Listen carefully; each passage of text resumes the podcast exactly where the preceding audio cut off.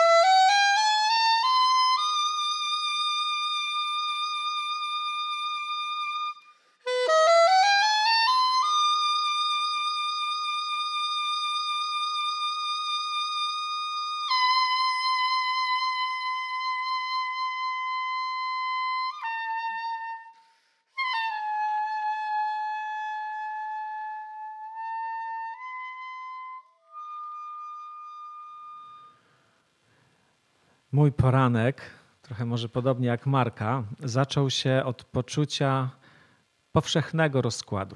No tak się składa, że przygotowywałem monologi szekspirowskie na najbliższe spotkanie w Teatrze Szekspirowskim w Gdańsku. Ze względu na temat spotkania wybrałem fragment Hamleta Maszyny Heinera Millera, współczesnej swego czasu głośnej parafrazy, a może raczej dekonstrukcji Hamleta Szekspira. Zacytuję fragment. Byłem Hamletem. Stałem na brzegu i rozmawiałem z morzem, ple, ple, a z tyłu za mną ruiny Europy. Koniec cytatu. Ruiny Europy, miejsce, w którym Hamlet przeżywa swój dramat. Dramat przebudzonej świadomości, która zdaje sobie sprawę z całego rozkładu i degeneracji świata, lecz przede wszystkim z tego, że jest już za późno. Za późno, aby coś z tym zrobić. Nie chodzi tylko o skalę występku, ilość niesprawiedliwości, afer, o stopień dewastacji państwa prawa, nie tylko przez populistów, ale i jego liberalnych rzekomych obrońców, oraz o stopień wyniszczenia planety. To wszystko jeszcze nie musiałoby oznaczać, że jest za późno. To wszystko być może dałoby się jeszcze naprawić. Przekonanie to wynika raczej ze stopnia degeneracji ludzkiego ducha. Z tego, że człowiek umościł się albo w poczuciu, że jest mu w tym umierającym świecie dobrze lub przynajmniej znośnie, albo wręcz przeciwnie, umościł się w swoim poczuciu krzywdy i frustracji, która fiksuje go egoistycznie tylko na samym sobie. Ten człowiek kwituje te wszystkie realnie zagrażające naszemu światu problemy wzruszeniem ramion. Cynizm, zaślepienie, nieodpowiedzialność, krótkowzroczna doraźność w myśl zasady, że po nas choćby potop. Oto są ruiny, ruiny tego świata. To w tym świecie ludzkich ruin budzi się tragiczna świadomość Hamleta. Wie o rozkładzie i wie o jego skali, że ludzie są w tym rozkładzie zadomowieni. Nauczyli się w nim żyć, funkcjonować, radzić sobie, profitować z niego, również z jego rozkładu i w nim prosperować. Dlatego Hamlet powiada, tym razem słowami Szekspira, cytuję: Ten czas jest kością wyłamaną w stawie. Jak można liczyć, że ja ją nastawię? The time is out of joint. Tak jest w oryginale. Czas traci ciągłość, traci perspektywiczność. Teraźniejszość jest poza łącznością z przyszłością. Przyszłość się oderwała, uciekła, zasklepiła w sobie. Przyszłość nie nadchodzi. Trwa bezbrzeżnie teraz, teraźniejszość degeneracji i rozkładu, która odbiera nam możliwość przyszłości kryjącej się w niej potencjalnej zmiany. Miller w Hamlecie Maszynie kwituje to w sposób przerażający. Opisując pogrzeb ojca Hamleta, który jak wiadomo przeszedł płynnie w ślub wdowy po nim, matki Hamleta, ślub z bratem jej zmarłego męża, bratem ojca Hamleta, który to brat owego ojca skrycie zamordował. O czym wszyscy wiedzą, ale tylko Hamlet chce to wiedzieć i nie chce udawać, że nie wie. Hamlet, obserwując to przerażające pogrzebo wesele, otwiera trumnę i odprawia na niej przerażającą mszę, która kończy się komunią rozkładu. Temat w sam raz na dziś, wszak dziś jest wielki czwartek, kiedy nagrywamy. Cytuję: Rozdzieliłem martwego rodzica ciało pomiędzy otaczających mnie nędzarzy. Żałoba przerodziła się w wesele, wesele w mlaskanie. Położyłem się na ziemi i słuchałem, jak świat krąży po orbicie wśród miarowo postępującego rozkładu. Koniec cytatu. U Szekspira Hamlet ma jeszcze potrzebę wypowiadania słów. Mówi, cytuję: Boże święty, jak nudna, stęchła, płaska i jałowa jest każda z ziemskich spraw, cały ten świat. Świat?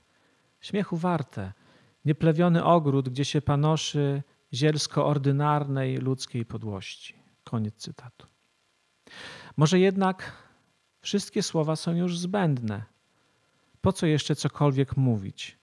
Czy wszystko nie jest jasne? Czy nie lepiej zamilknąć i żadnym słowem nie przesłaniać, nie tłumaczyć, nie zaklinać owego rozkładu?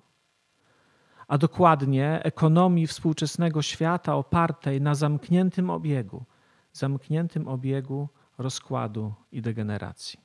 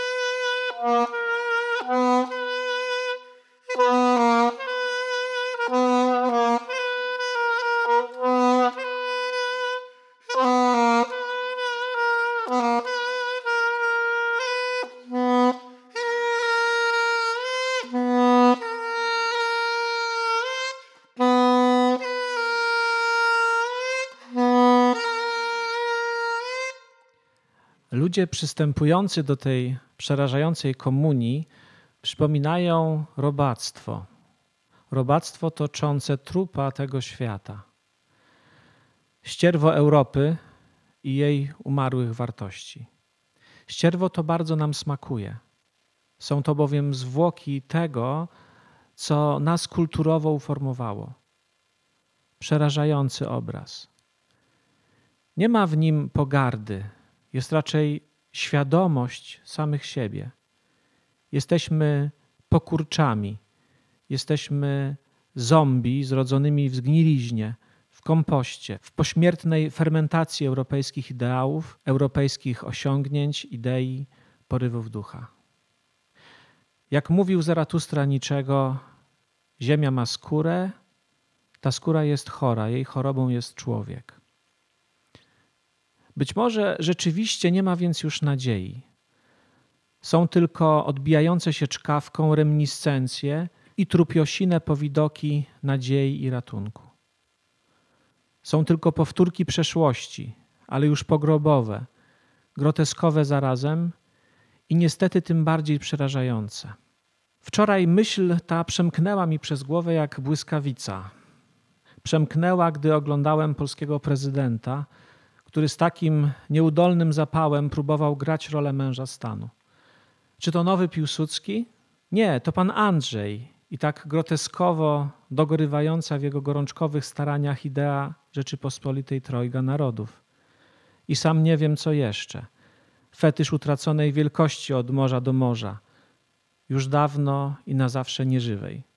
A jednak wciąż budzącej się jak upiór, a raczej pełna złudnego powabu upiorzyca, która wszystkim nam się podoba, wszystkich uwodzi. To samo, choć z pozoru całkiem inaczej, stało się z Janem Pawłem II, którego hipnotyzująca obecność, tak, on hipnotyzował na tej samej zasadzie jak Kaszpirowski, coraz bardziej wypłowiała i nierealna, powróciła z mocą w obrazie Wojtyły zaangażowanego w krycie pedofilii. Tu znów wypłowiały obraz utraconej wielkości, nas wszystkich, bo wielkość Wojtyły była wielkością Polski i Polaków. Stał się tak mocny, znów intensywny, zapładniający, obezwładniający, dający poczucie siły, znów hipnotyzujący. Co z tego, że Arebur? Czy zresztą na pewno Arebur? Ciało Wojtyły stało się komunią. Rozdawano ją w formie ciastka z kremem, krem z papieskiego widma, komunia z umarłą boskością giganta polskości, kremówkowe przeistoczenie, w pędzącym zawrotnie przez polskie, półmartwe przedwiośnie, przez tundrę polskiej równiny Pendolino. Straszne i pogrobowe, a jakie mocne i jakie prawdziwe.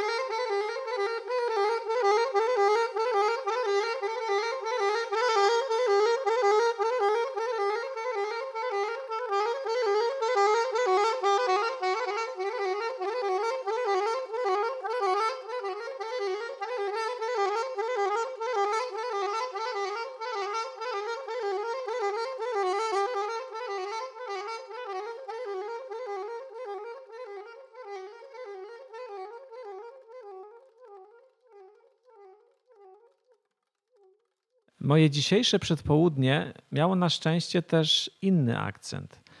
Zadzwoniła do mnie wczoraj Dagny z Onetu i poprosiła o wywiad. Wywiad o Jezusie nie Chrystusie, o Wielkanocy, o duchowości poza Kościołem i poza religią. Zastanawiam się teraz, jak jedno z drugim połączyć, jak to scalić. Poczucie hamletycznego rozkładu i papieskiego zombie z myślą o autentycznym wewnętrznym odrodzeniu. Jezus był przekonany, że jest ono możliwe, że się może wydarzyć tu i teraz, że nie trzeba wiele. Niezależnie jak bardzo opresyjny jest świat cynicznymi i pasożytniczymi instytucjami religijnymi, dla Jezusa byli to faryzeusze, z patriarchalną hierarchią społeczną, Jezus powiada: Nikogo nie nazywajcie ojcem, nikogo nie nazywajcie mistrzem. Z klanowością rodzinną, która domaga się lojalności i podległości, Jezus krzyczy: Kto nie ma w nienawiści ojca i matki, ten nie może być moim uczniem. Niezależnie od tego wszystkiego i wbrew temu wszystkiemu, możliwa jest wolność. Wolność płynąca z doświadczenia życia, wobec którego wszyscy jesteśmy równi Wszyscy jesteśmy braćmi, wszyscy jesteśmy chciani, wszyscy możemy, cokolwiek to oznacza, być sobą. Czyli przede wszystkim być wolnymi od obsesji na swój temat, od zafiksowania na sobie. Jest to wolność transowego zatracenia w niesamowitości bycia, w niesamowitości istnienia. Tylko pozornie Jezus ze swoim anarchicznym, frikowym, nomadycznym, ekstatycznym, mistycznym, transowym, maniakalnym przebudzeniem do życia nie pasuje do atmosfery rozkładu, degeneracji, zombicznej, pogrobowej egzystencji, w którą się wszyscy zapadamy. On pasuje i to jak? Pasuje, bo się jej nie poddaje, bo uczy na nią odpowiadać Żyjemy w świecie, w którym nie czas na półśrodki, na plany reform, na strategie stopniowych zmian. Potrzebna jest zmiana gwałtowna i natychmiastowa. Rewolucja. Tak, rewolucja, ale nie ta polityczna, która pożera własne dzieci, jednych ojców i mentorów zastępując innymi, ale rewolucja wewnętrzna, powiedzielibyśmy rewolucja plus, rewolucja 2.0 gwałtowna potrzeba przebudzenia, zrzucenia masek, wyjścia z ról, rzucenia się w otchłań życia, upojenie nim, odcięcie pępowiny łączącej nas z przeszłością, z jej rozkładem, z trupem narodu, z trupem religii, z trupem Starego Świata. Rzucenie się w otchłań, w której zniknęła nasza przyszłość, w której się ukryła, w którą została przez nas strącona. Jezus umie tym zainspirować, bo był maniakiem tej właśnie sprawy. Przyszedłem rzucić ogień na ziemię i jakże pragnę, aby on zapłonął. To najmocniejszy cytat z Ewangelii. To heraklitejski ogień życia, jego odradzania się, ogień czasu, który nie jest out of joint, który płynie, który rodzi przyszłość. Jezus może być inspiracją, pod warunkiem jednak, że uwolni się go z kościelnej niewoli, z doktrynalnego zaboru, z pobożnościowego upupienia. Że nie będzie się go traktować jako Boga, jako Syna Bożego, jako jedynego Zbawiciela, jako założyciela Kościoła, jak tego, kto dosłownie wyszedł z grobu, czyli pośmiertnie zmartwychwstał. To są wszystko upiorne stylizacje, którym go poddano. Jeśli będziemy się ich trzymać, nie wyrwiemy się z zaklętego kręgu martwoty i rozkładu. Jeśli jednak to wszystko odrzucimy, wtedy postać Jezusa może wciąż być inspirująca, ale wyłącznie do własnego, osobistego przebudzenia, do pójścia swoją drogą, na której postać ta może nam towarzyszyć albo zostać całkowicie pozostawiona w tyle. To bez znaczenia. Ostatecznie nie liczy się ani Hamlet, ani Jezus. Liczy się wewnętrzne odrodzenie. Liczy się wolność, odzyskana przyszłość. Liczy się odzyskane życie. Życie.